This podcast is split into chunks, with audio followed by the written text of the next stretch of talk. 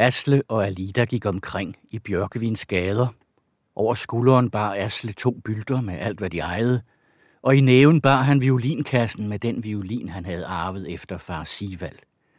Og Alida bar på to net med mad, og nu er de gået omkring i Bjørkvins gader i flere timer og søgt at finde husly, men det var umuligt at lege sig ind nogen steder.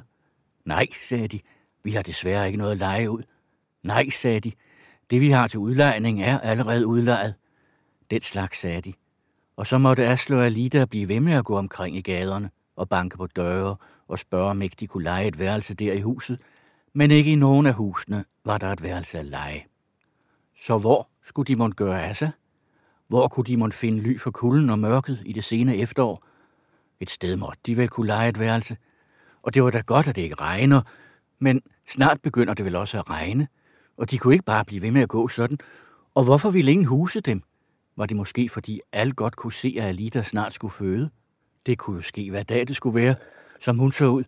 Eller var det, fordi de ikke var videt, og dermed ikke for ordentlige ægtefolk og ordentlige folk at regne? Men var der da nogen, der kunne se det på dem? Nej, det var der vel ikke.